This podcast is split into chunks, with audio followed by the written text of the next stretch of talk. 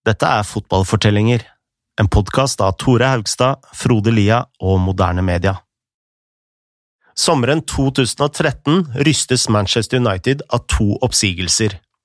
Sir Alex Ferguson sier takk for seg. Den daglige lederen David Gill følger ham ut døren.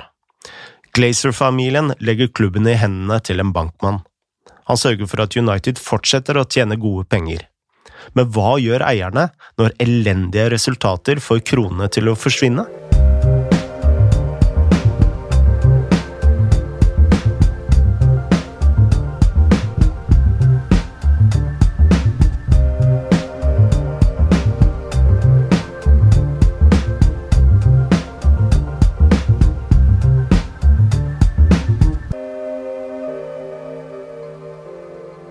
Når Malcolm Glazer eh, kjøper Manchester United i 2005, har han en plan. Han plasserer sin datter og sine fem sønner i styret. De forteller Ferguson at eh, de ikke kommer til å endre det sportslige apparatet, men når det kommer til den kommersielle avdelingen, Tore, så tar de store grep. Ja, og de måtte jo tjene penger her. Altså, De hadde satt klubben i gjeld, og som Kieran Maguire sa i forrige episode, kom denne gjelda med veldig høye renter. United måtte jo ut med flere titalls millioner pund i året kun for å finansiere dette lånet. Og uh, fansen, altså, de var jo ikke dumme. De skjønte jo at disse pengene ellers kunne gått til spillerkjøp. Samtidig kan man vel argumentere for at dette hadde veldig lite å si. Altså, de vant vel uh, ligaen fem ganger de neste åtte årene. Mm. Og dette er vel det man kaller suksess? Ja, Eh, det hjalp sikkert Glazer-familien litt også, som blant fansen, at laget tross alt fortsatte å vinne. Og det sa jo veldig mye om Ferguson at han klarte å holde dette laget på sporet, selv om så mye av pengene gikk til renter. Og Ferguson sjøl fortsatte å forsvare Glazer-familien. Han sa at de blanda seg aldri inn i det sportslige, og at han fikk den friheten han trengte. Og det ga selvfølgelig mening at Glazer-familien ikke skulle blande seg inn. Altså, with all due respect så kunne de vel ikke så veldig mye om fotball. Men business, det kunne de. Der var de skarpe. Der var de veldig, veldig skarpe. Uh, og de ville jo selvfølgelig at United skulle gå i pluss selv med disse utgiftene til renter. Og en av grunnene til at Glazer-familien tok over United, var at de mente de kunne klemme mye mer penger ut av klubbens globale merkevare. Altså, Tenk deg United da, som, et, som, som på lik linje med Nike og Adidas og, eller? Underholdningsprodukter, eh, mm. som Disney og alt det her. Altså, de hadde jo en lang historie, de hadde et svært stadion, og de hadde en stall stappa med profiler som kunne bidra til enorme salg og sponsorinntekter. I 2004-2005 var, var, det vel eh, fotballklubben med de nest høyeste inntektene i verden? Ja, så basisen her var allerede solid. Men Gleser-familien mente altså at de kunne tjene enda mer. Og De gjorde en eh, endring på strategien da, som var ganske viktig. Altså, Før hadde United solgt sponsoravtaler på global basis. så for Om de gjorde en avtale med Vodafone, så var Vodafone Uniteds mediepartner over hele verden. Nå sa United at altså, hvorfor skal vi ha én partner over hele verden, når vi kan ha én partner for hver ulik del av verden? Ok, Så nå kunne Vodafone eh, bli mediepartner i Europa f.eks., og så kunne United finne en ny mediepartner i Asia f.eks.? Riktig, de, de, stykker det opp på en måte. Og dette skapte jo enorm vekst kommersielt sett. Um, da Glazer-familien kjøpte United i 2005, tjente klubben 49 millioner pund på kommersiell aktivitet. I 2012 var dette oppe i 117 millioner pund. Og mannen som eh, trakk i trådene her, var Ed Woodward. Ja. Woodward uh, hadde vært med familien helt fra starten av her. Um, da de kjøpte klubben, uh, jobba han for JP Morgan, som er en bank. om jeg ikke tar helt feil. Han ble rådgiver for Glazer-familien og hjalp altså de med å kjøpe klubben. Og Han gjorde en så god jobb da at de ansatte han med tittelen Head of Staff. To år senere ble han gjort ansvarlig for det kommersielle. Og eh, Da gjorde Edward, Ed Woodward noe veldig smart. Han bestilte rapporter for å finne ut hvor mange fans United hadde på global basis. En undersøkelse i 2007 sa 333 millioner. En ny rapport i 2012 sa 659 millioner fans. Og Det gjorde da at Woodward kunne fortelle f.eks. For sponsor og andre partnere at se her, Vi har 600 millioner fans. Dette antallet kan dere selge produkter til. Mm, enormt uh, verdifullt når du skal sikre disse avtalene.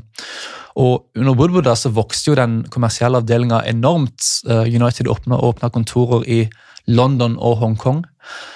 De ansatte også en ny direktør som het Richard Arnold. Og I 2012 kom han med et sitat som jeg liksom har oppsummert United litt sånn de siste årene. Han sa at vi har 25 George Clooneys. Og det han ville si med det, var at altså, så, mange, så mange fans over hele verden ser United sine kamper at spillerne i praksis har et like stort publikum som en av verdens største skuespillere. Usikker på om jeg ville sammenligna Maguire med Clooney. Altså. Men uh, uansett, eh, både Arnold og Woodward høres ut som personer som anser uh, fotball mer som et underholdningsprodukt fremfor et uh, spill, hvis det gir mening. Altså, alle sitat, altså, sånne sitater har jo gjort at ja, man får det inntrykket. Men så ble altså United snudd på hodet i løpet av én sommer. Ferguson trakk seg i 2013, eh, og det samme gjorde David Gill. Plutselig mistet United-duoen som sto bak den sportslige strategien, og så bestemte Glazer-familien seg for å gi ansvaret til Woodward. Ja, i, altså, i retrospekt kan man si at Gill sin resignasjon nesten var like viktig som den til Ferguson. Um, og Woodward ble jo offisielt visepresident, som han fortsatt er, men opererte i praksis som eh, daglig leder eller CEO, akkurat som Gill. Eh, jeg tror den offisielle rollen er executive vice president. Skjønner. Og eh, Woodward hadde jo ingen sportslig erfaring. Eh, han hadde ikke noe spesielt kontaktnettverk innenfor fotballen. Han kunne heller ikke støtte seg på Ferguson sin ekspertise, for United hadde jo ansatt en ny trener, som var David Moyes, the chosen one. The chosen han ble kalt. Ja. Den første sommeren var jo, eh, mener jeg å huske, var kjempekaos. Mm. Eh, jeg husker navn som var linka til United, som Fabregas, Ronaldo, altså Cristiano Ronaldo, mm. og eh, Robert Lewandowski, og så endte de opp med Fellaini. På, jeg tror det var på da, overgangsvinduets siste dag. Det var jo en farse. Og uh, I tillegg da så kjøpte United Fellaini for 4 millioner pund mer enn nødvendig. Um, Hvordan da? Altså, Fellaini hadde jo denne um, utkjøpsklausulen i, i, løpet av ja. sommeren. Um, United sa liksom, så på tallet og så liksom sa nei, vi kan få han for mindre enn det. Vi gidder ikke betale det. Og så ble det ikke noe deal, og så gikk klausulen ut sånn at Everton kunne kreve hva de ville. Mm. Og Så tikka klokka, og United fikk ingen, fikk ingen inn før vinduet stengte. og Så ble de så desperate at de bare måtte kjøpe han for fire millioner pund. Altså Der har du eh, forhandlingsstrategi. United endte den sesongen på en eh, syvendeplass. Og siden det har eh, problemene vært ganske kjente. Ja. Woodward har ansatt Louis van Gaal, José Mourinho og nå Ole Gunnar Solskjær uten å være i nærheten av verken ligatittel eller Champions League. Det har jo ikke vært noe rød tråd på en måte gjennom det sportslige prosjektet. Kan man si at Woodward rett og slett virker inkompetent? Ja, det, det, er ikke noe overdrivelse. Og... Det er et sterkt ord. Ja, det er det, det er det. Men altså, vi må jo presisere sportslig sett. da, altså Som, som leder av et sportslig prosjekt med uh, en av de mest, altså, mest, mektige og rikeste klubbene i verden. Uh, det er jo en, en, underprestasjon, om det er et ord, uh, som er helt hinsides, egentlig. Det har vært mye snakk om at United skal ansette en sportsdirektør. Altså noe med faglig kompetanse uh, som kan ta over den sportslige strategien og la Woodward holde seg til det kommersielle. Som virker som den klart mest logiske og naturlige arbeidsfordelinga. Men den, uh, dette har jo ennå ikke skjedd. Og dermed er det vel logisk at folk anser Woodward som arkitekten bak de svake resultatene? Ja, det er jo helt naturlig. Og det er jo også mange som sier at United kun består av finansfolk akkurat nå. Um, I tillegg til Woodward og Richard Donald så har de Matt Judge, som tar seg av forhandlinger. Og heller ikke Judge hadde noe sportslig bakgrunn før han kom til United. Um, Woodward har sagt seg uenig selvfølgelig i denne anklagelsen, men uh, altså, mildt sagt da, så kan man jo si at United kanskje hadde trengt litt ekstra input på det sportslige. Det er mange fans og eksperter, blant annet Gary Neville, som har sagt at Woodward bør få sparken. Men i fjor var Woodward den som tjente mest av alle direktørene i Premier League. Mm. Ser ikke ut som han skal noe, noe, noe sted. Nei, eh, Glazer-familien ser ut til å like han veldig godt. og Er vi kyniske, da, så er det jo fordi butikken har gått så bra så lenge. I 2016 så var vel United laget med høyest inntekter i verden. Og dette var samme sesong som laget til United kom på femteplass i ligaen, 15 poeng bak Leicester. Deloitte, som er denne organisasjonen som, rapporter, som de lager den rapporten om inntekter da, per vei hvert år, de rapporterte om fenomenal vekst, spesielt i kommersielle inntekter. Og dette er, er, Grunnen til det er at United da deler opp sponsoravtalene sine i ulike regioner. Ja, som vi nevnte, og det har jo gått litt sånn, blitt litt sånn, litt sånn sport der å ramse opp uh, ulike partnere som United har. Altså, De har jo enorme muligheter til å, til å altså, lage, altså, få sponsoravtaler over hva som helst. Um, og I 2016 så lagde avisen The Mirror en liste over disse offisielle partnerne. Uh, de fant 65 stykker. Og blant de partnerne så fant de altså de fant, Det var partnere innen madrasser og puter. altså De fant en bank, et klokkemerke, et hotell, en kaffe, en vin, en brennevin, maling, motorsykler, kasinoer Motorsykler? Jeg vet, ikke, jeg vet ikke hva merket er, men motorsykler, kasinoer, sjokolade, gaming, sko og nudler. Og sikkert veldig mye mer. Ja. I 2018 erklærte Forbes United som verdens mest verdifulle fotballag. Ja. Det er vel egentlig krona på verket for eh, Glazer-familien? Ja. Uh, ja. Det må jo, altså, hvis, hvis sporten her er å tjene penger, så, så har det gjort det rimelig bra. Men er det mulig å forsvare Glazer-familien, altså prøve å se dette fra to sider? United betaler jo mest i lønninger i Premier League. Mm. De la ut enorme summer for eh, spillere som Pogba, Lukaku og Maguire. Altså, det er jo eiere som har brukt penger. Uh, ja, det er jo et interessant poeng. De har det. Og uh, vi spurte Joshua Robinson da, om han anså Malcolm Glazer som en god eier. I think the more accurate thing to say is that he's not as bad an owner as people thought he was going to be. They thought he was literally going to drive the club into the ground, saddle it with so much debt that it would be crippled and not be able to function um, in the way that Manchester United expected to function anymore. Um, now, during his tenure, they during the Glazers' tenure, I should say, they kept winning titles. They won the Champions League. They still had for Alex Ferguson for a, a portion of that. Now, where the failings really came later on in the post Ferguson, post uh, David Gill era, when some of the personnel choices and Man United fans will point to, to Ed Woodward, the chief executive, as the key appointment that sent Man United spiraling downhill.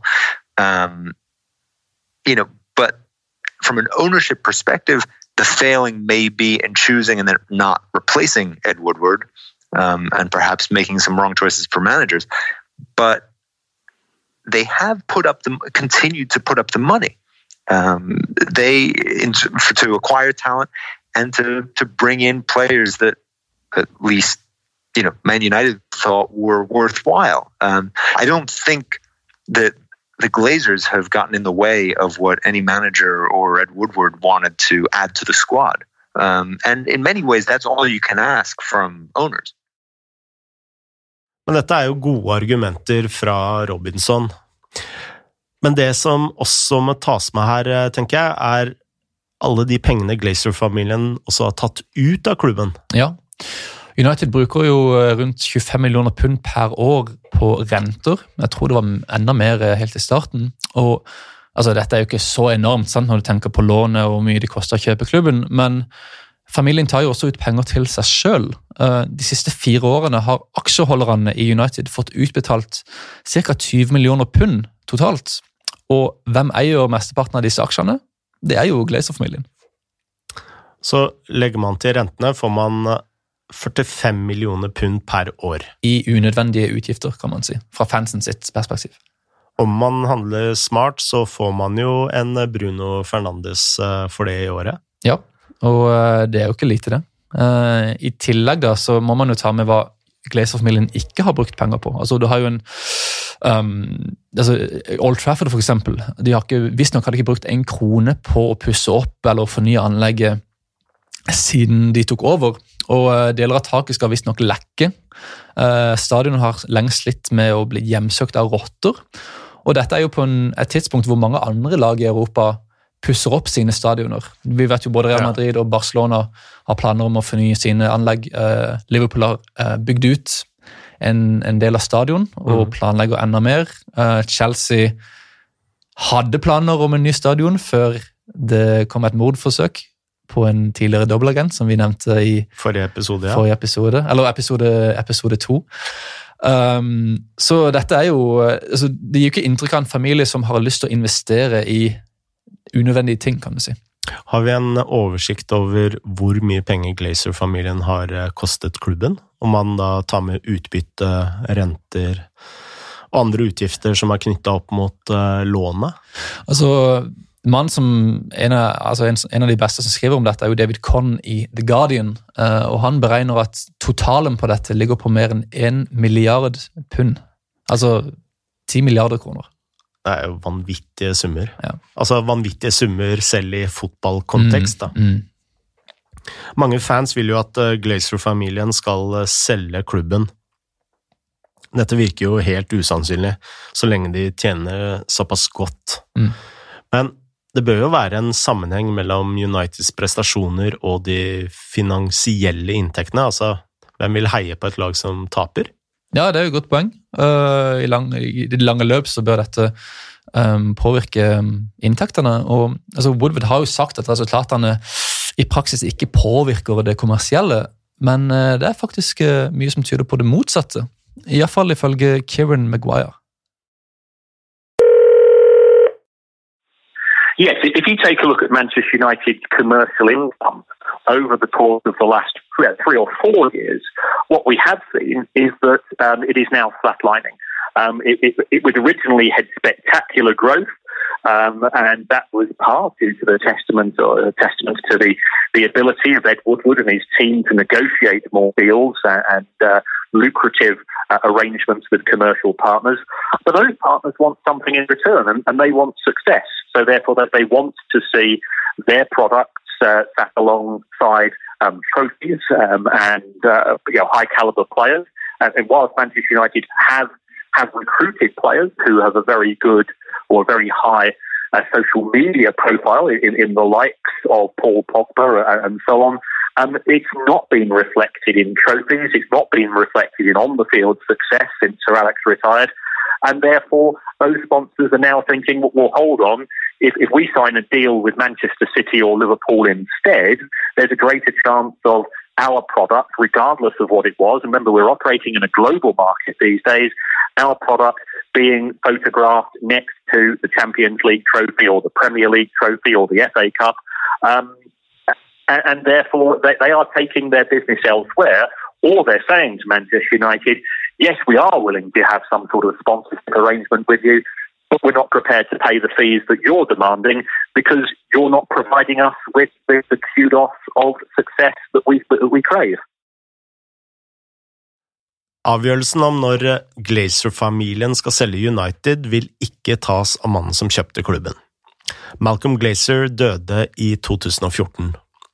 Han satte aldri en fot inne på Old Trafford. Nei, eh, det er altså det hele tida har det vært barna hans som har vært i Manchester, og som nå driver og eier klubben. Og um, De vil jo nesten garantert selge klubben for heftig profitt. Vi husker at de kjøpte United for 790 millioner pund. Og I fjor da, så sa magasinet Forbes at United hadde en verdi på 2,9 milliarder pund. Uh, det har ikke gått ned siden det, garantert. Men om vi tar den summen, da, så vil det være et utbytte på 2,1 milliarder pund, altså rundt 20 milliarder kroner. Det høres veldig greit ut. Det er, det er grei business. Men Malcolm Glazer er ikke den eneste kapitalisten som har kjøpt en eh, toppklubb i Premier League. I neste episode skal vi bli kjent med en annen investor fra USA. Han heter Stan Kroenke.